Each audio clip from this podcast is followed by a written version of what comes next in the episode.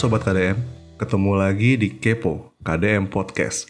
Nah, pada episode kali ini kita akan bahas mengenai hidup yang otentik dan living without cover. Kondisi yang mungkin sering kita temui, bahkan mungkin kita lakukan juga. Tapi itu kita sering ignore, dan mungkin pernah jadi pertanyaan batin kali ya. Ini bener gak sih yang gue lakukan? Nah, bersama dengan gue, John Beda Limuel, dan seorang narasumber yang udah gak asing lagi tentunya. Hai Tia, apa kabar? Halo Ju, baik. Apa kabar juga nih? Baik, baik. Nah, Tia, gue pernah baca nih sebuah tulisan lu yang kalau nggak salah dari di Ignite ya. Judulnya itu Living Without Cover. Iya, Nah, ini gue pengen nanya nih. Kenapa? Nah, ini ada apa sih? Ini, I mean, apa yang seorang Tia lihat atau membuat lu sampai kayak, oke, gue harus tulis ini dan gue harus sharing ke teman-teman. Sejujurnya itu nulisnya udah lama banget ya. Jadi udah agak lupa. Cuman sebenarnya itu lebih ke arah in generalnya ya, bukan yang spesifiknya. Karena melihat banyak orang di sekitar mungkin ya. Apalagi kayak eh, lingkunganku mayoritas Kristen gitu kan. Terus habis itu melihat orang-orang di sekitarku meskipun mereka Kristen, tapi nggak selalu mereka berperilaku dengan baik dan otentik gitu. Nggak selamanya mereka apa adanya. Terus jadinya gemes sendiri aja gitu. Hmm, gitu. Menarik sih. Tapi kalau menurut lu sendiri nih ya, kenapa sih manusia-manusia ini tuh susah banget buat hidup otentik gitu? Terutama kan anak-anak muda ya, kita tuh sering lihat mereka lebih memilih untuk tidak mengekspresikan apa yang ada dalam hati dan pikiran mereka gak sih? Iya. Bukannya kalau iya kan, bukannya kalau hidup asli itu harusnya kan lebih mudah ya. Kita nggak usah berpura-pura, nggak usah nyenengin hati orang lain, nggak usah pusing-pusing untuk bohong dan lain-lain gitu. Ideally speaking emang gitu ya. Cuman pada kenyataannya di zaman sekarang tuh tuntutan anak muda dari sosial tuh banyak banget gitu. Maksudnya yang harus eksis, harus memenuhi standar uh, sosial tertentu. Terus belum lagi fear of missing out-nya. Belum lagi takut gak punya temen, gak eksis, ini itu apa segala macem lah ya.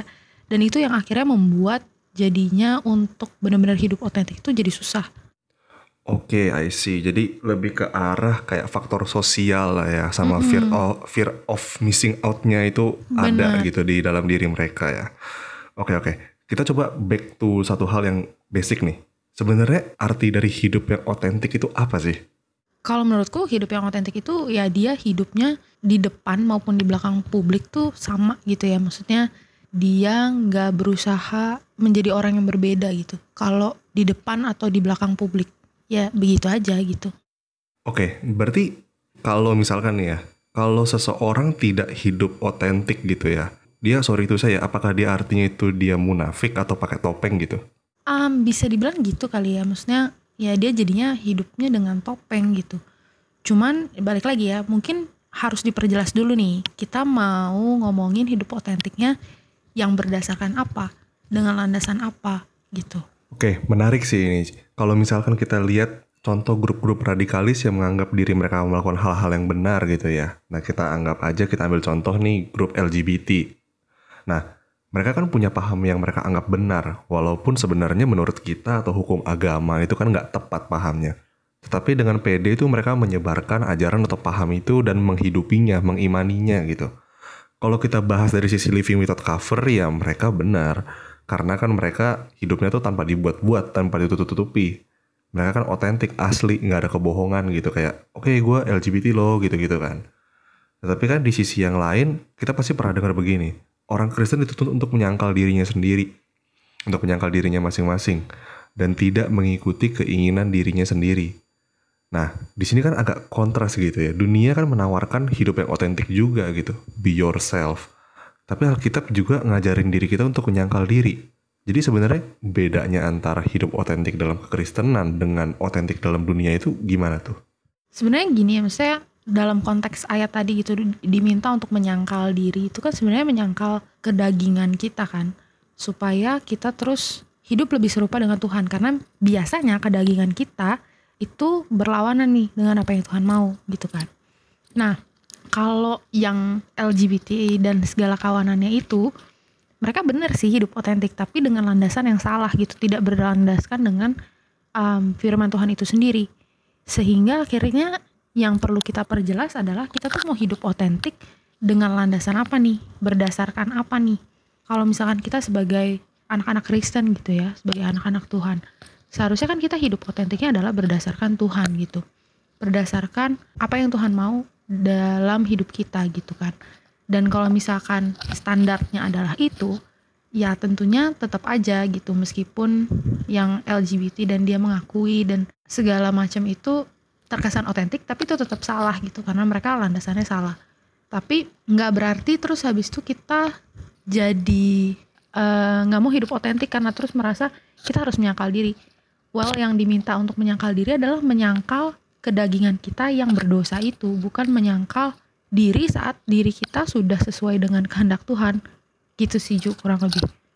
Hmm, menarik sih. Berarti the point is hidup otentik dalam kekristenan sama otentik dalam duniawi itu perbedaannya ada di yang kita imani itu apa bukan sih gitu ya? Mm -mm, mm benar. Yang kita ambil pegangannya itu apa gitu? Benar. Kalau misalkan kita berdasarkan sama iman, berpegang sama ajaran Tuhan Yesus ya, pasti hidup otentik itu akan sejalan dengan apa yang Tuhan ajarkan gitu ya. Mm -mm, Nah terakhir nih Ci, kan tadi kan kita udah bahas uh, untuk hidup otentik uh, secara Kristen gitu ya. Nah sebenarnya gimana sih cara hidup otentik sesuai dengan firman Tuhan gitu? Tapi ya nggak berlebihan kan? Di mana kalau hidup otentik itu kan bisa aja kita ditolak nih. Kalau kita kayak uh, misalkan nih semua orang nyontek tapi kita sendiri nggak nyontek. Itu kan kita bisa dikucilkan lah atau apa. Nah jadi sok suci ya? iya kurang lebih kalau kasar kita ngomong kayak sok suci lo gitu kan. Nah ini gimana cara kita hidup otentik sesuai dengan firman Tuhan tapi nggak berlebihan gitu? Sebenarnya itu balik lagi ke gimana kita juga memposisikan diri gitu ya. Kayak misalnya deh gampangnya tadi yang tentang nyontek. Berusaha menghindar aja gitu. Biar mau nggak mau kamu nggak bisa kasih contekan misalnya cari aja tempat duduk kalau lagi ujian di depan gurunya. Fix nggak bisa ngasih contekan dan nggak bisa nyontek kan. Dan kamu nggak perlu nolak siapa-siapa gitu. Terus ya maksudnya pintar-pintaran gimana kita mau menempatkan diri kita juga sih. Dan kita juga mau mengakui kalau waktu kita salah gitu.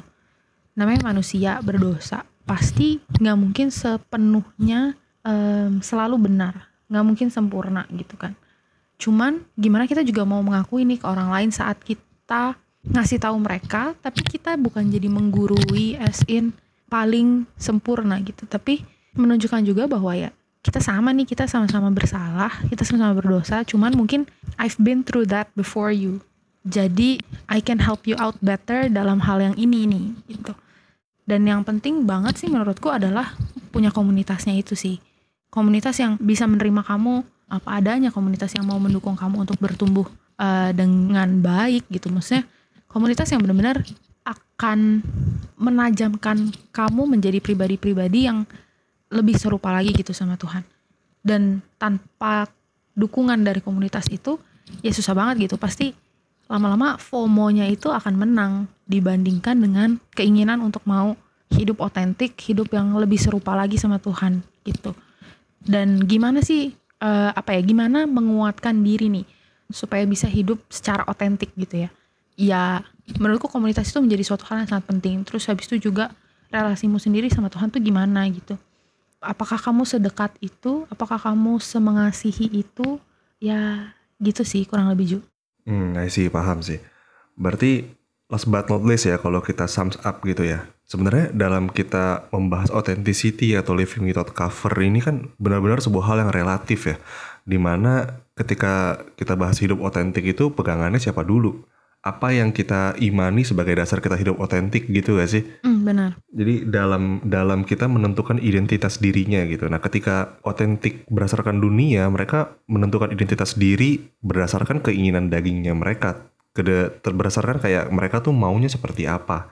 Tapi ketika kita identitas diri yang berdasarkan ajaran Tuhan Yesus ya itu pasti hidup otentiknya sejalan dengan apa yang Tuhan ajarkan sebagai anak-anak Allah gitu ya. Karena identitas diri dia sesungguhnya itu didefinisikan oleh Tuhan dan firmannya. Gitu gak sih ya betul. Betul betul. Ini menarik sih karena ini tuh sekaligus mengajarkan dan ngingetin kita gitu ya bahwa kita berhubung dengan kehidupan kita yang dahulu harus meninggalkan manusia lama yang menemui kebinasaannya oleh nafsunya yang menyesatkan supaya kita dibaharui oleh dalam roh dan pikiran kita dan mengenakan manusia baru yang telah diciptakan menurut kehendak Allah di dalam kebenaran dan kekudusan yang sesungguhnya. Thank you banget Tia untuk sharing dan waktunya.